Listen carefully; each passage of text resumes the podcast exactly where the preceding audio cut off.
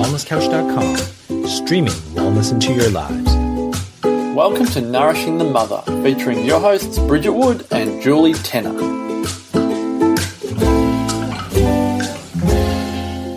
Hello and welcome to Nourishing the Mother. I'm Julie Tenner. And I'm Bridget Wood. And today's podcast is sponsored by Mama Maya.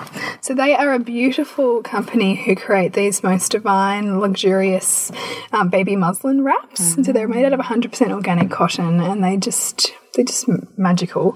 And what I love most, I suppose, about this business is that they donate a portion of profits from every blanket sold to um, safe birthing kits in the third mm, world. So they actually so special. Oh, it's amazing because we know we know that you know the maternal death rate mm. in those third world countries is is astronomical, and it's from such um, preventative reasons, right? Mm. And so there's a really great business or great organisation in Australia who um, provide these kits to the third world, and so Mama Maya has a partnership with them to donate a portion of profits to to support those women. So I just thought, you know, gorgeous. isn't it? Because you know we are so far removed from it, and so mm. in the nourishing the baby and the mother through these gorgeous products mm. here in our safe Western world, we're also nourishing. We're also nourishing those mothers there. How gorgeous! Yeah, so I just really love it. So yeah. check them out out. It's mamamaya.com.au. And we also have um, this week on the Facebook page a giveaway of one of their wraps. Yeah. So please jump on there and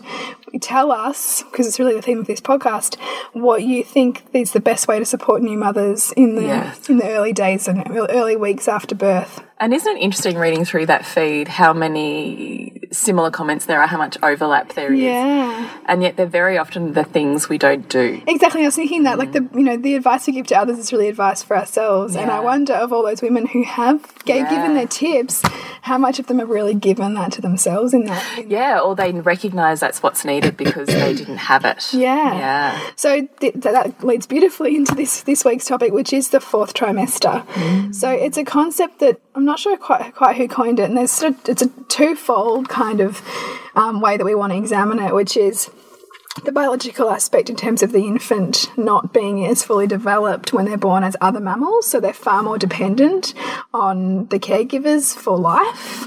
Um, they're very vulnerable, so that's why they kind of still almost need that womb like environment. Mm. And then the other one is how do you, as a mother, in, in those incredibly all consuming you know days and months how do you give to yourself? You know what are the what's the best tips that we have um, to help the mother feel supported and loved and nurtured so that she can create that space for the baby? Mm. so we really want to talk about this this month and this week sorry. And it's also interesting to look at this the, from the perspective of traditional cultures who really do have a reverence mm. for this time in life, the time in life for the baby and for the mother, mm. um, who often, you know, the mother is waited on basically, or her only focus is the baby mm. and meeting the baby's needs, and can. As a result, like in cultures like Bali, they just don't even have colic. Like it's not even known as a condition because the babies, their needs are met. They're not needing to have these symptoms mm. that cry out for connection, attention, mm. slowing down of the pace, mm. you know, presence, all those things that Western mothers can really struggle with. Mm. So, yeah, what's what's your view? Because I think, yeah, and typically, I mean, Julie's work as a doula, you would have seen that transition so many times in women, mm.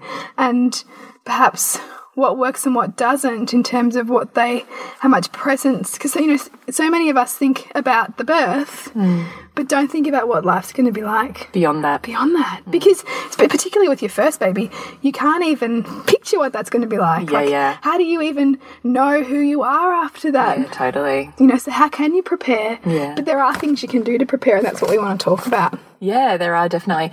And look, I mean, one of the main points is why I'm so passionate about the blessing way mm. or the mother blessing is this is literally it's the uh, ceremony that that marks the rite of passage or transition for this woman, mm. and brings very intimately and closely around her, very consciously and with intention, a tribe.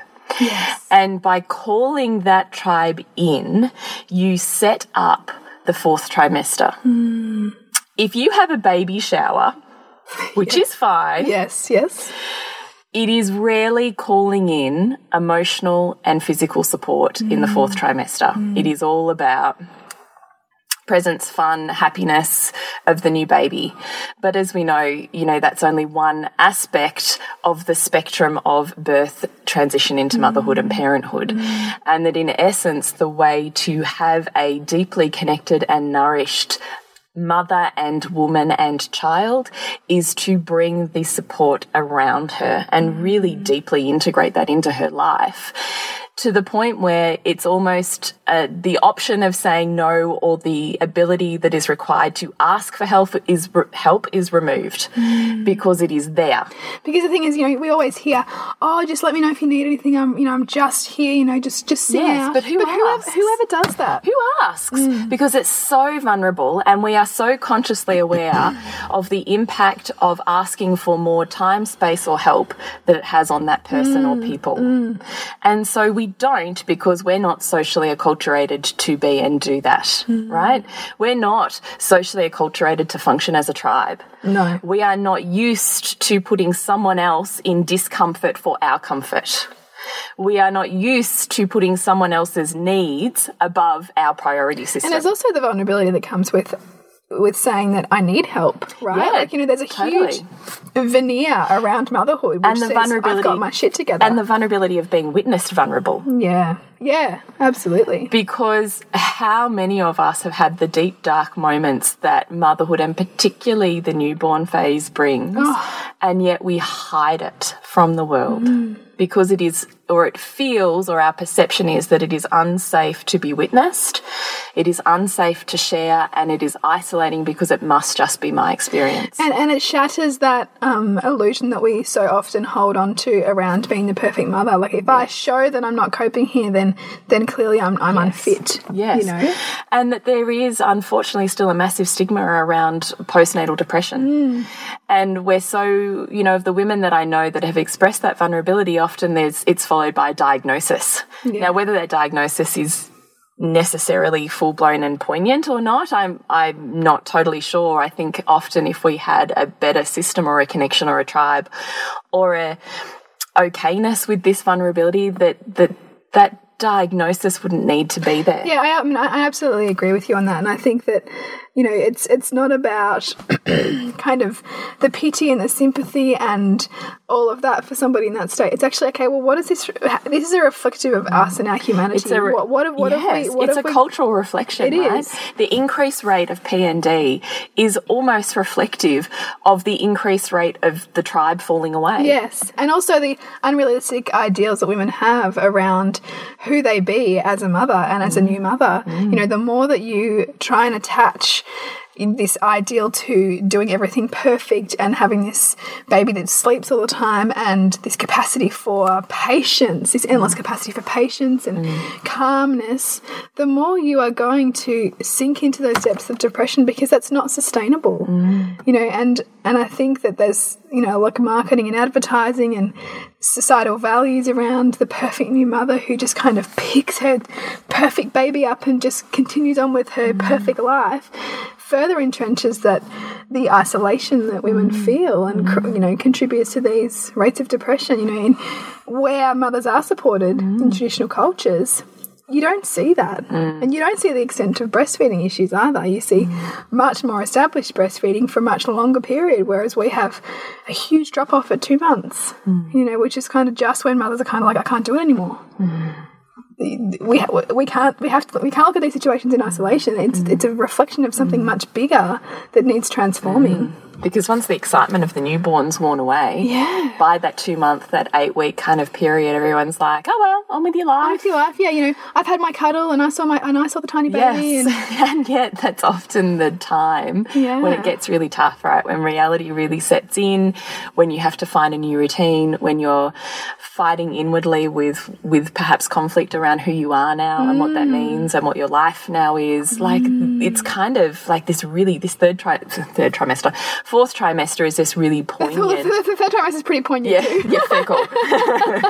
fair call, Bridget. Yeah, yeah. Um, but you know, this is you're like this is the time, right? Yeah. No wonder breastfeeding drops off at that time. No wonder we have such in- incidences of you know, diagnosis for mother and baby in many forms at this particular point around this two to three months because the tribe doesn't exist at that point. No.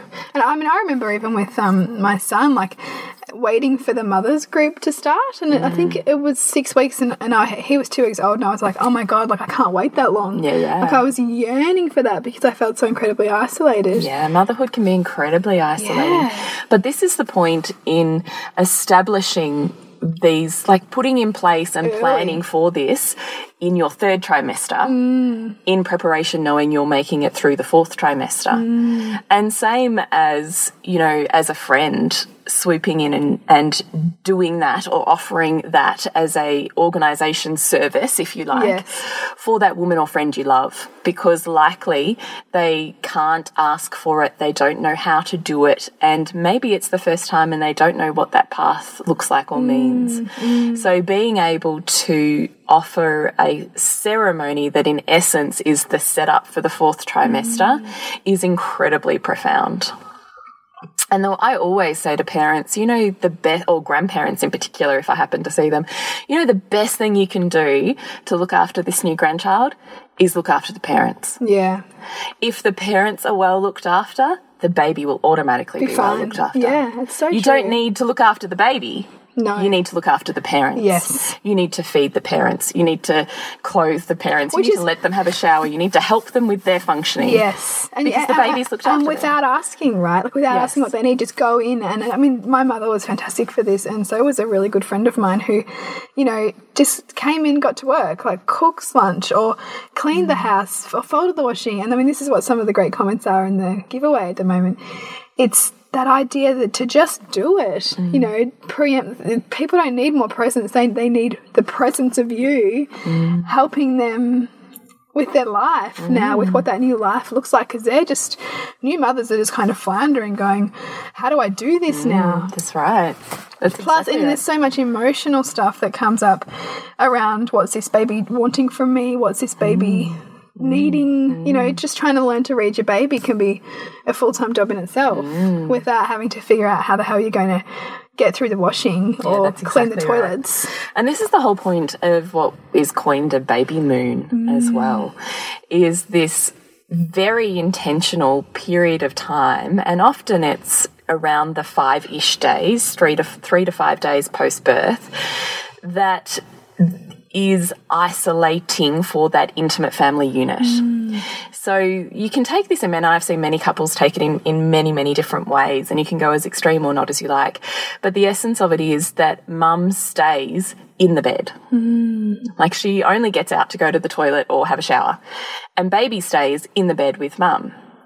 And you are waited on, food, drinks, and water are brought to you, Companies brought to you if you want it. Maybe dad's coming to lie in that space with the three of you or the four of you or however many it is. But it's this concept of mum's feet, and this is uh, historically where this culture, particularly in the Chinese, ancient Chinese culture, you'll find it, mum's feet don't touch the ground. It's almost like this um, spiritual taboo that there's something so sacred about this mother. She, her body has been so open that it takes a period of time for all of those bits and pieces to kind of find their way back into balance of the woman without the baby inside of her. Yeah. And to spiritually, emotionally, and energetic close off and come back into a circuit. Mm. And so spiritually, this is what we're talking about with the baby moon is it would not be okay for mum's feet to touch the floor Yeah. but it's taking that and forming it into a Western culture that's mum and baby need to be in the bed. They need to be mm. hanging out. They need to be nourished, nurtured, and waited on to form a relationship, to find out about each other, to connect in ways that you can only do when you're still and present and continuously in contact. and, and to do the healing that needs to be done. So Exactly. this isn't necessarily the mothers might not the mother might not even feel like she wants to be in this place, you know, because mm. particularly you know as women, if we've got lots going on and we feel full by doing things and achieving things. In fact, that could be an uncomfortable period of, of introspection, but it's so necessary for the healing, for the mm. recognition of, of the, you know what you've been through that transition because it's going to come up somewhere else if, if you're yeah. not giving yourself that space Totally, the processing of what has just happened, the rite of passage you have been through, Mm. what that means for you, your life, and your womanhood, and also to get to know this new little soul that's in Yeah. that, that's in this world now, right? Mm. So I adore the concept of a baby moon, and I've seen it play out in many different ways. And I just think is that something that you did with your third child Uh, yes, it is. Yeah, and I did with my second as well. With my first, I didn't, and it was kind of. I know I'm lying. With my second, I didn't really as well. Um, definitely with my third, I did. I was aware of it by my second child, but probably wasn't. There was still part of me that was because I had a toddler. No, I still have to get up and be present. And I remember being like in the freaking shopping center when she was like three days old, and I was like, in, like my back was sore. I remember sitting down with her like on this bench as my son's like riding on the Thomas train or something in the shopping center and going, oh, I just want to be home. You know, and now I look and I think, why, why did you feel like you had, to, to be there? that. Yeah, yeah. Why, you know, out in this, you know, noise, light, loads of people kind of Mm. space, and yet I see so many mums of newborn babies in those Mm, doing that. spaces. Yeah. So it's this cultural thing of we just need to move on. It's like we've lost the reverence for what this rite of passage is, Mm. right? We don't have, and I didn't then, I hadn't called in the tribe and community around me to support that mm. because you can only have a baby moon if you've already established it as an intention. Mm. Yeah you're right And I know um, I've seen couples that take the phone off the hook or they switch their phones off for three days after the birth. Mm-hmm. Like they literally isolate themselves to integrate what it means for them personally and for this tribe. Mm. I've seen couples who don't let anybody else hold their baby for that three days. Mm. I've seen couples who, you know, invite that intimate blessing way circle only in in that time and everyone else sees the baby, sees them after that baby moon. yeah So there's like a hundred different ways you could take this, but the point of the baby moon is mum doesn't need to do or move. Hmm. And that there is intimate time for just resting and getting to know this baby. And I think that's hard to do in a hospital system. Hmm. So sometimes that baby moon period needs to start once you're home again. And particularly if you've had an interrupted uh, bonding experience in that birth or early parenthood, it's really important that you spend time reintegrating together and being still and nourished and connected then. Because you can undo so much of that story and that healing and that trauma and redo so many it's almost like a clean slate in It a way. really is. Yeah. It really is. Like maybe you had an emergency Caesar and you missed that first hour of bonding with your baby and breastfeeding. It's not lost. Mm. It's like I think there's so much about there that if you've lost that, you never get it back and da da. da. No. Mm. You can always heal. You can always create intention. Mm. You can always have an opportunity to reconnect and to revisit those wounds. Like it's Mm. never lost. It's never too late, but it requires intention. And I think that is what is missing from our culture. I agree.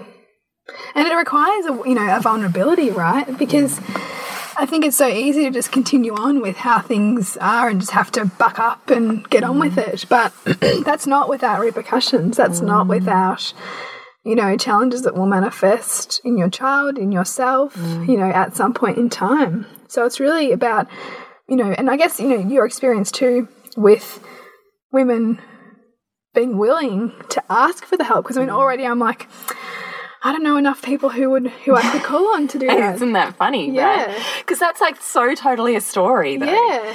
Because when you start to think about the women that are around you, every single one of them would like jump at the chance because it is you think about the art of giving right? Sometimes it can feel so uncomfortable for us in the receiving but how good does it feel as the giver to witness someone receiving what you're gifting them? Now that can be a cuddle that can be a kind word that can be a gift. Like you know, in that moment of giving in whatever form it is, the giver is getting is getting as much, if not more, as the givee, Yeah, that's true. as the receiver. Hmm. And so saying no, I don't want that can be just as hurtful and rejecting to that person. to the giver. As it doesn't serve you as the person who actually Mm. needs to receive. Mm. So it's like this, you know, it's it's a dynamic in itself, and there's healing there on all levels, right, for all of those parties Yeah. involved. Yeah. But the story of I don't know anyone and no one's around me is is not true. Mm. Like it honestly isn't, and I say that with love. But you just need to start thinking a bit bigger, mm. a bit broader. You have to awaken what that means because possibly you're used to the depth of that connection has only ever come from one or two people in your life. Mm. But that's only representative of how much you've let them in Yeah. or how much they've let you in or how much you've offered that service to them and therefore that intimate vulnerability in relationship mm. because women form connection through vulnerability Yeah, right absolutely. Yeah. so how vulnerable have you been in front of and with those people will probably talk to how much they've been with you and therefore how deep that connection is Yeah. so the more you're willing to show up and be vulnerable, the more you'll realize that depth of connection exists in every single person around you. Mm. It's just about whether you have been open enough To go there. To go there. Mm. And it starts with you, right? It doesn't start with them. Don't wait for them to be vulnerable and show you the way. Mm. Don't wait for them to set the pace. Don't wait for them to offer. And that's a really Be good vulnerable. point because it, ever like people have the best of intentions, but life gets in the way, right? Mm. And even with my baby shower that I had with my first son, you know, we had this thing where people wrote down like what's what they would do, like what they would provide, and not one of those things happened. Yeah. So that's me. Like, you know, why didn't I want that, first of all? But it's also that, you know, unless you are being really intentional about it and assigning those things, they don't get done. No. You know? No. Unless the person is really, you know, deeply connected and wanting to, you mm-hmm. know? That is where a blessing way sets that up as a, a really because you literally form vulnerability and connection that is so mm. deeply moving and intimate within that group of women that I rarely have experienced that I need to chase people up with that. Mm. But the flip side is in a blessing way you always give someone the job of organizing those people. Yeah. So I always have a calendar and I get everybody to write the date that they're coming and what they're bringing, well, that they're bringing a meal and that they're offering half an hour of service or mm. whatever it is. Mm. And I always do a follow up text message to those people reminding them if it, if they're running late, I'm sending them like there's someone who's organizing and orchestrating that. Yeah. But when you start it at the very beginning with intention and connection and vulnerability, mm. rarely do you need to chase it up It's powerful stuff. isn't it? So the the depth to which that uh, service has been offered to you probably is the depth of how much you're willing to be vulnerable with that person or how much your history is showing that. Mm. Um, so where to from here? I just kind of think, well, the blessing way, but beyond that, really setting the vulnerability and the intention with your tribe, recognizing that if you cruise through this, and that's freaking awesome because that's just as likely as it being a really hard, dramatic process. Yeah, yeah. But you want to plan for the worst case scenario so that you don't need to get there. Yes, exactly. Yeah, you can kind of have have a plan for every scenario every case so that you've got your bases covered and there's Yeah. no questions around it. It's the same with Totally. her, you know. Yeah, it is. It is. So when I had um, my blessing way with my third, we did that, and I had a beautiful friend who um, organised that whole roster system and meal tray and everything, and it was amazing. And I had organised to have one meal dropped off every second day. And I think I even said to you, it was like amazing. Like my husband had the first um, like four days because it came across a weekend, four days off work or something. And then he went back to work and he only had like two days off a week in between someone coming because I didn't need someone all the time. My tribe was taking my older kids to and from school, to and from activities. I was just home with my newborn. And I had someone coming every single day to look after me, to look after my new baby or what was happening there, to have some company and to bring a meal. Mm. And that went on for six weeks That is beautiful. which is amazing, right? Yeah. And that level of vulnerability sets the tone and the pace for what you grow up and into. Mm. And that tribe still are incredibly intimate to me. So mm. they are my mother and my sister and my best friend, all rolled into probably 20 women, right? It's awesome. But that's how vulnerable we're each willing to be. And that's how much I'm willing to set an intention and say, this is what I really need and I, you know, feel all of this stuff when I'm putting it out there, da da da da da. And if you're just willing to be real and authentic, you wait and see the rush that comes back to you around willingness. Hmm. But it's got to start with vulnerability and intention. And a mindset that says I need to set up for this phase so that it's and a well mindset buffered. that says that I'm worthy of it. Because I think it's. I mean, I'm sit, Yeah, yeah. I'm sitting here with a lot of vulnerability right now. I'm just listening. Um, because for me, that's like, well, I haven't done that for other people in that form, so why should they do it for me? But it's all about when you know better, you do better, right? Yeah.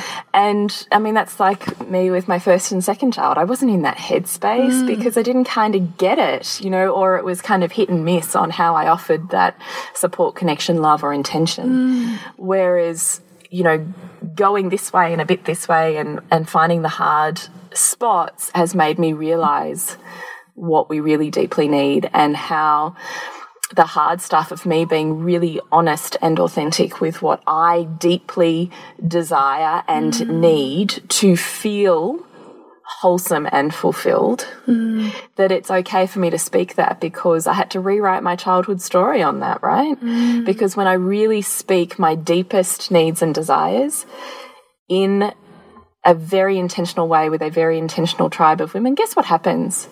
Those needs get met. And The story of rejection is old. it's a really good point to plug into that. Like, the, the old childhood story, mm. and potentially not just your childhood story, the story of your parents or your mm. mother. Like I can totally see my mother playing out in why I'm uncomfortable with this. Mm. You know, the the you know, she's the youngest of twelve, don't make a fuss. There's no time for you, just get on with it. Stoicism, you know, thing. And even though she tries, she she does the opposite, there's still I can still feel that, you know, like I mm. feel feel that sense of, oh no, those people must be too busy or must have their own things Yes. going on Yes. to worry about me, Yes. which is a classic like story. I think right? we all carry that because that is our culture, though. Mm. We are not tribes anymore. Mm. That is our culture. Our cul culture is you look after yourself because everyone else is too busy. but honestly, it's a story. Because when you're really willing to be vulnerable about what you deeply need, that vulnerability is honoured and met by those around you. Hmm. Possibly to the extent with which they can meet their own vulnerability and needs. And, you know, part of you will need to sit with for some people it'll look like this and for some people it'll look like that, but seeing the beauty in each of those offerings yeah. as well Yeah. because I'm not saying everyone's exactly like me, so they're going to offer exactly what I need in exactly the mm. form I need it. Mm. It will come in many different forms, but I can see the love, the same depth of love and intention, just in many different forms, mm. expressed differently. But they all resonate with the same feeling because of the intention and vulnerability I've put out. So I think this takes practice, and I think having something that that centers this and anchors this for a pregnant woman is, you know, literally life changing. Hmm. Because imagine how different a newborn period of time is, the fourth trimester, if you have that already set up. And it's, it's, it's really about that sense of being deeply held, like your mm. space being held by others, because that's all, you know, we're really seeking is that mm. sense of connection and support and mm-hmm. nourishment, mm-hmm. whatever form of that nourishment looks like. Yeah. And knowing that if someone comes to your house and you haven't had a bath in three days and, you know, you just well burst into tears the moment they walk in the door, that it's okay for that to be mm, witnessed. Yeah. Because I guarantee they've been there. Not a woman you meet will walk to that door and open the door to you in a puddle of tears and mess and, you know, all the shades of ugliness that you think you're carrying and not resonate deeply with that Yes. Yeah. because we have all been there and being able to witness it in another person and offer what we didn't give ourselves is just That's as so healing healing, isn't it? Like just as mm. healing. And that's often what I think f we feel so called to go in and provide for others in, you know, mm. like, and you and I have talked about this in terms of women who have miscarried. Mm. And because of our own experience, we get so plugged in by that that, that there's such a deep yearning from somewhere to nourish that, you know, to, to nourish that woman. Well, it's filling the void, isn't Yeah, it? yeah. Yeah. It's recognizing the pain in another that you yourself have experienced Mm. and wanting to provide it for yourself via, Via providing it for them. Yeah. They kind of acted this beautiful kind of um, dramatic. It's like it's the perfect intertwined, isn't it? Because mm. it's this beautiful kind of role play of, of you being able to heal and to nourish heal you. you. but at the same time change and pave the way for this woman, mm. right? Who you hold, and I guarantee these moments of vulnerability form lifetime connections. Mm. Like, you know, when you have really think about the depth of, of vulnerability that you have shared with particular women, I bet those connections are still super deep. Mm. You know, this is this is this is the juice of motherhood and parenthood and forming relationships during these really, you know, profound times of change mm. that create lifelong friends. Like, how many friends do you know say, oh, you meet your lifelong friends when your kids are in primary school? You know why or in kindergarten? You know why? Because you're going through some fucking hard shit in that Yeah. time. Yeah. And so is everybody else. Mm. And if you can be vulnerable for just that moment in time to allow them in, fuck, I tell you, mm. those women save your soul a thousand times over. And each one of mm. those connection connections builds more and more and more depth.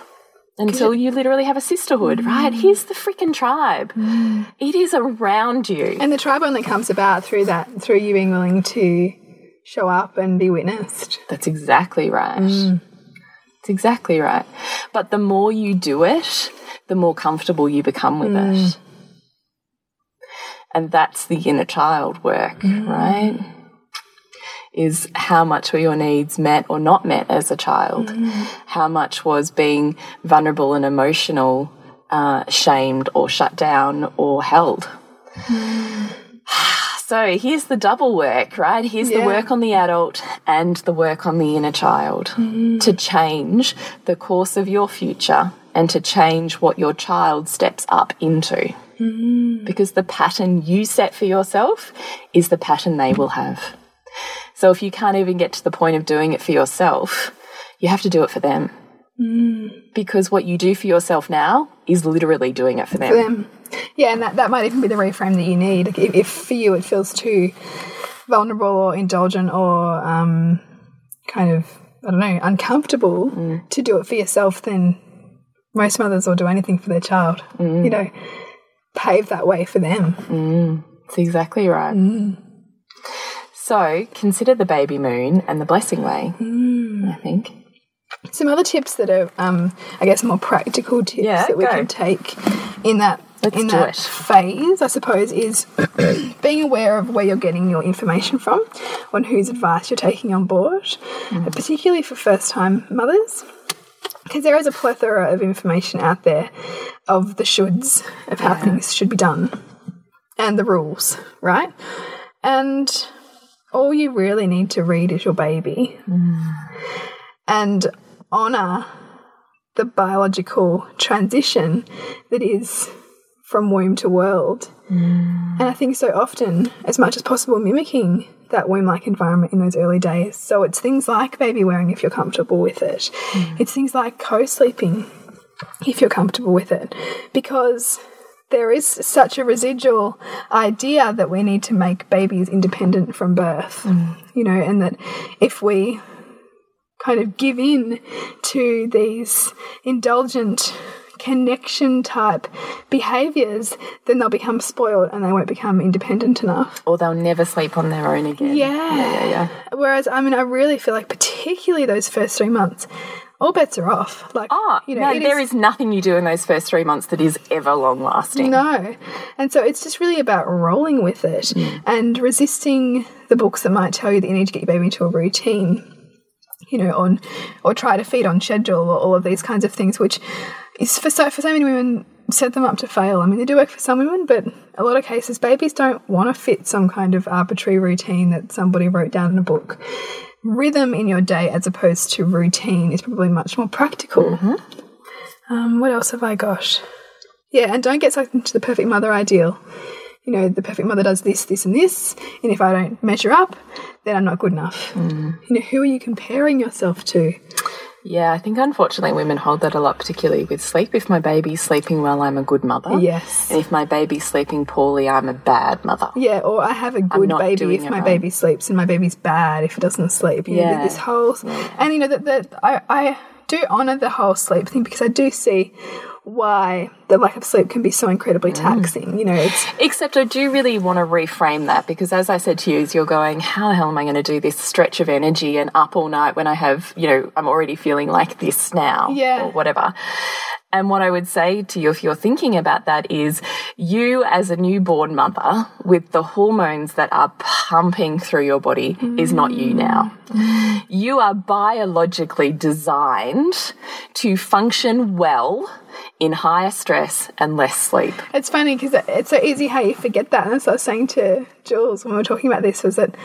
Oh yeah, duh! Like I've, forgot those hormones. They were like I was, I was on some kind of like super pills. Yeah, right. know? So that's what I was saying to you, and particularly when I then had my placenta encapsulated with my third, and I was taking my placenta, I was like off the Richter chart. I felt so freaking amazing. Yeah, which I'm so, I'm so doing now. I've just like organized. Oh, have you? That's Yeah. so exciting. Um, that's a podcast. Oh, well, we could probably talk about that now in the fourth trimester. But anyway, we'll come, Yeah. we'll come back to it.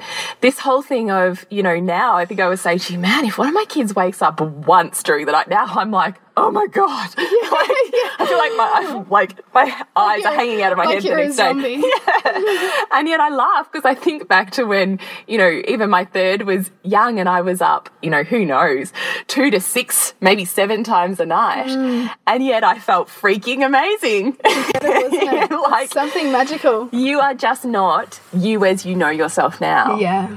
And there is so much more that you are capable of doing when you also change what you have to do in a day. Mm. So you are now, when you're looking at that phase as well, you can't just be you as you are now static, but add in this extra part. No. That's not how it works. It's about surrender mm. into what this new rhythm is for a season in time. This is not locked in. This is not forever. Hmm. This is just for this season. And therefore, how do I, as a mother and as a woman, get through this in the best possible way? And this is when I look at so many women who go, Oh, you know, da, da, this was so hard. And so I gave in and I brought them into my bed. Or I, you know, this whole concept around you've done the wrong thing by doing something that works for you. Yeah. It's like fucking bullshit. Yes. Because if it's working and it's easy and it feels good and everybody's getting more sleep, rest, and nourishment, it is what you are supposed to be doing. Yes, and that's so true, right? Because because uh, I my life changed when I when I did that. Like you know, I was getting eight hours of sleep a night as soon as I brought my baby into my bed, but there was so much, have you know, like letting go of like the rules around mm. that. And what that means, I think often if you haven't got older kids, you project forwards and you go, God, if I start this now, is this how it has to be forever? And it's mm. total rubbish. Like, you know, I mean, each one of my kids has been completely different and slept differently. And I think it's who you get, not what you do. Yeah. And it's about learning who this new soul is and what they need and what you need. Mm. Because the best way to get through it is to make sure that mum is well and healthy and nourished. Mm. And whatever you need to do to do that is what creates an awesome parenthood journey, mm. right? So let go of everything else. It's what you most need because you are the center of this universe. You are the one that sets the energy and the tone for how this family functions. So look after you and set the tone for what you need and do whatever you need to do to feel that. And that will look mm. very different for every single woman. But it is not about breaking rules or making rules or sticking by something. Mm. It's about knowing they change every single day. They change every single week. The rate at which a baby changes in the first year of life is like a growth periods that you will never, ever, ever, ever, ever see again. Mm. And so because of that, they're constantly evolving. You're constantly evolving. There's constantly new rhythms. There's constantly new Yeah. awareness that, you know, like you just, it has to be a season It's, of rolling it's with it. constant transforming and shedding, mm. isn't it? Really. Totally is. Mm. And, you know, I would even say to you, um, my second child, I did all the wrong things in inverted commas. I intentionally co slept with her like every single nap. If she wasn't in bed with me, I was wearing her in a sling mm. on my back or on my chest. she never ever slept on her own in the pram or in the cot. Like she was only ever in bed with me or in the sling with me. Now that was where I was at with attachment parenting Yeah. then. My point of all of this is I did every single thing wrong. I picked her up every single time. I breastfed her every single time there was a whimper of anything. that like she was like attached to no end. But can I tell you, by 13 or 14 months, she was 100% sleeping in her own bed, Yeah. in her own room. And we have never, ever had tears or tantrums, stress or fear about going to bed. Mm. I would say that my experience is exactly the same. And then that, you know, and which totally flips on the head that idea that you're going to create bad habits. Yeah. Because bedtime now and bedtime from about 15 months was easy. Mm. Despite that incredibly close attachment, Yep. you know. And really interesting. So my point is just there's no rules. Mm. Like it's just about how do you get through this season mm. the most well nourished that you can be and you do whatever it takes for you to be that. Mm. Because if you are that, everything else falls in around you. It's it's you know you've got to captain the ship, mm. and, and how you're feeling is the very center of all of that. Mm.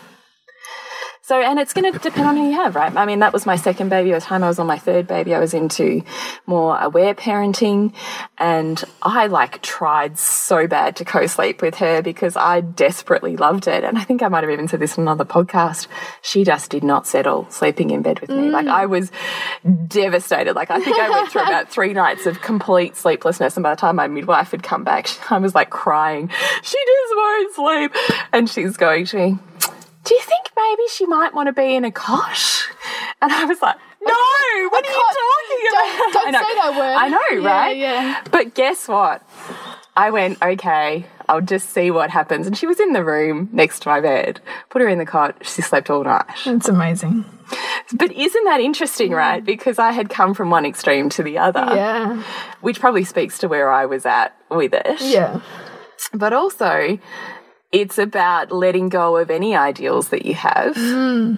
And going with the flow of surrender about what this child wants mm. and needs. And that's, I mean, it's, we talk about this, your child teaching you exactly what you need to learn. I mean, Yeah. it's, it starts from, Yeah. it starts from Oh. conception, it starts from birth. Ta- teach what you need to learn. Tell you what, I was on the anti-cot campaign for so many years, Yeah. and yet look who I had: the the child who wanted to be in the cot. Yeah. Like, isn't it profound? Hey, mm. because man, didn't I have to own that shit? Yeah.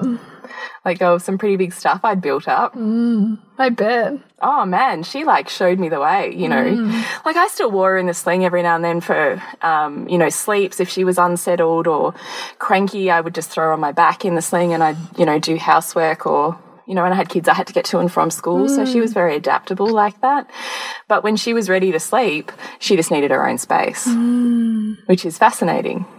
Because because particularly in the in the attachment theory, you're so cultured that, Yeah. that they need to be close to you. Yeah. And that if they're not, then you're not getting the needs met. Yeah, right. Mm. So I had to own a heck of a lot of stuff in that. Yeah. and you know really had to see that you know these ideals that I built up that no baby sleeps like that's just a pile of rubbish and those mothers are either control crying or they're just lying Yeah. and I had to like Which is a so story to protect, or to right. protect yourself. Right. Mm. Yeah, exactly. And I so totally had to unpolarize mm. and equilibrate all of those stories and perceptions I had built up over so many years because of the wounding that was under there. Mm. Because of my need to that it was okay. That I was okay. Like it's such a big story, right? It's massive. So thank God for each of my kids who has like bent me in so many ways. Because man, I tell you, I love the spectrum of mothers and mm. women there, and I see the perfection played out all the time. Mm. It just removes judgment, doesn't it? Because you, just, ah. you just can't. Like You just can't because mm. your experience is not their experience, and we can't, you know, know what another's experience is because we mm. can all perceive. Sorry, we can all have the same experience, but perceive it completely differently. differently. Mm. There is no right or wrong. Can you touch on the placenta encapsulation thing for people who might be interested in terms of why that gave you Yeah, such? yeah, yeah, yeah, definitely. Um, I totally get if you're feeling icked out by that. I think I, you know, wrote a section in my Birth 101 ebook that, oh, that went up this week, Yeah, Bridget. I'm so got your first excited. Um, was just this whole thing of when I think about the journey of the placenta with my first child, I was like, ugh, like I don't even want to look at that thing. That's so gross, Yeah. you know. And then with my second child, I had a home birth. I remember my midwife being like so reverent around what the placenta was. And she's like, oh, do you want the placenta? And, and I'm like, no, you can take that. and then after that, I became a doula. And so I started to witness birth and culture and women's mm. journeys in many, many, many, many, many different forms. And I became very aware of what the placenta represented. Now, the placenta literally shares your child's DNA. In that first cell split, one forms the placenta, one forms your baby. So the placenta is like your baby's twin in a way. So here's the reverence historically to midwives, right?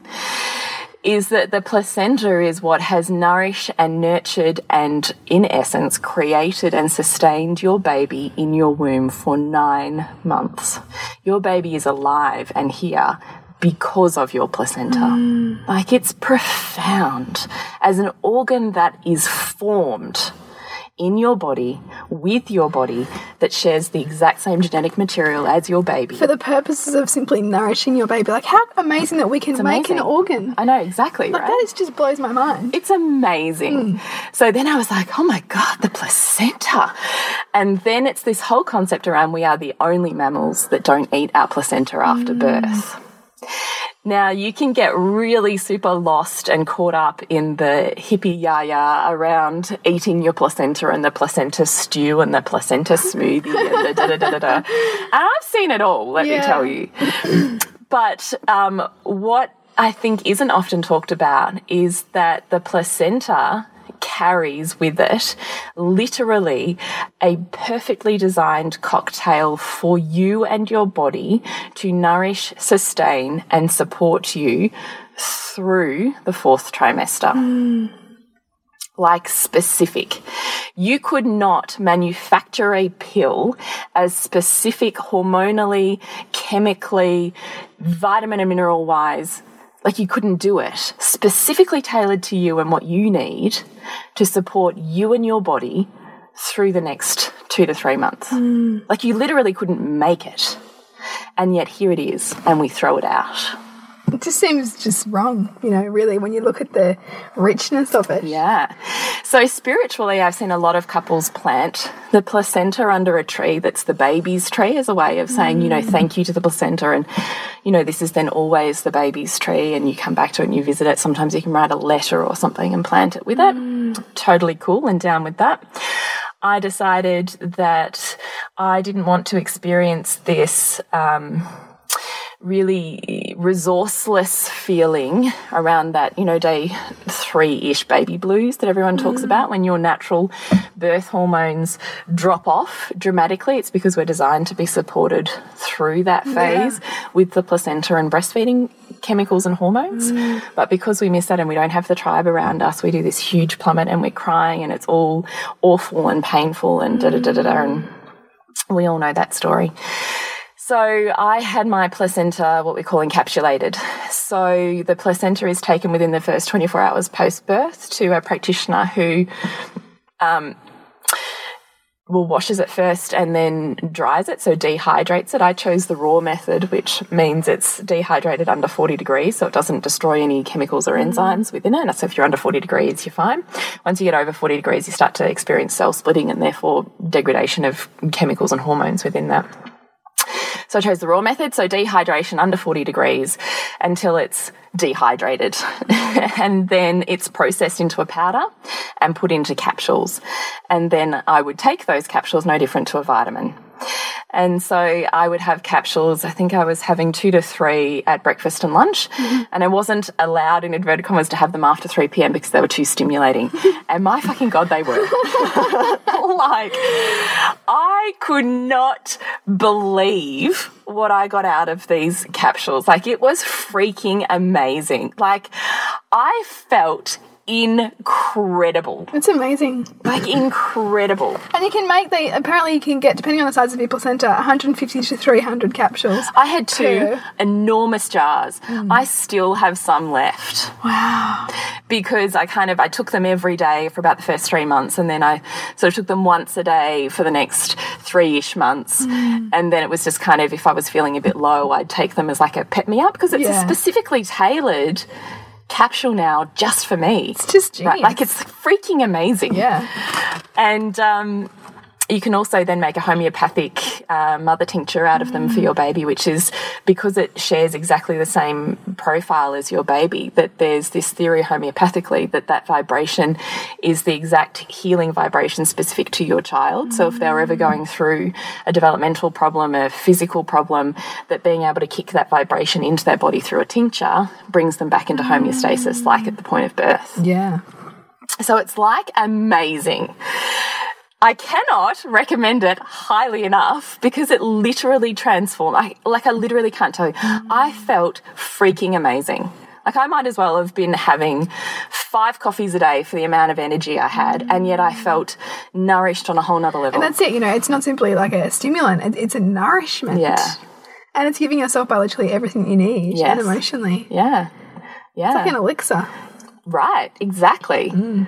Exactly. And now I get why every other mammal eats it. Yeah, and that's the thing, you know, animals are incredibly smart. Like they, they Mm. you know, it's it's like you know, you see an animal that's sick, it knows not to eat. Even Mm. a child that's sick knows not to eat. It's once the, our prefrontal cortex and our kind of clever mind gets Mm. in the way, we think that we can do better. Yeah, yeah. There's a wisdom there. Yeah, it was really interesting. So, anyway, do look up placenta encapsulation if this even slightly tickles your interest Yeah. because it really, you know, has the power to completely, again, when we're talking about setting up your fourth trimester, mm. this really is part of that recipe mm. in terms of creating deep nourishment for you so that you carry through there feeling wholesome and fulfilled rather than resourceless and in Overwhelmed. pain.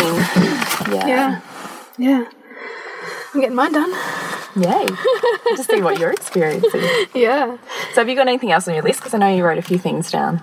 Um, I think I cap captured most of it. Another thing that I was mentioning was here also making sure being, being aware of that sense that the four walls are closing in Yeah. because that can be a classic one, and that, that's not necessarily to kind of therefore go to a shopping centre or go for so- yeah. go somewhere that's highly stimulating, but simply developing a bit of a rhythm around. Okay, I'm feeling a bit low now. Let's go for a walk. Yeah. You know, and it might particularly if you've got other children at home.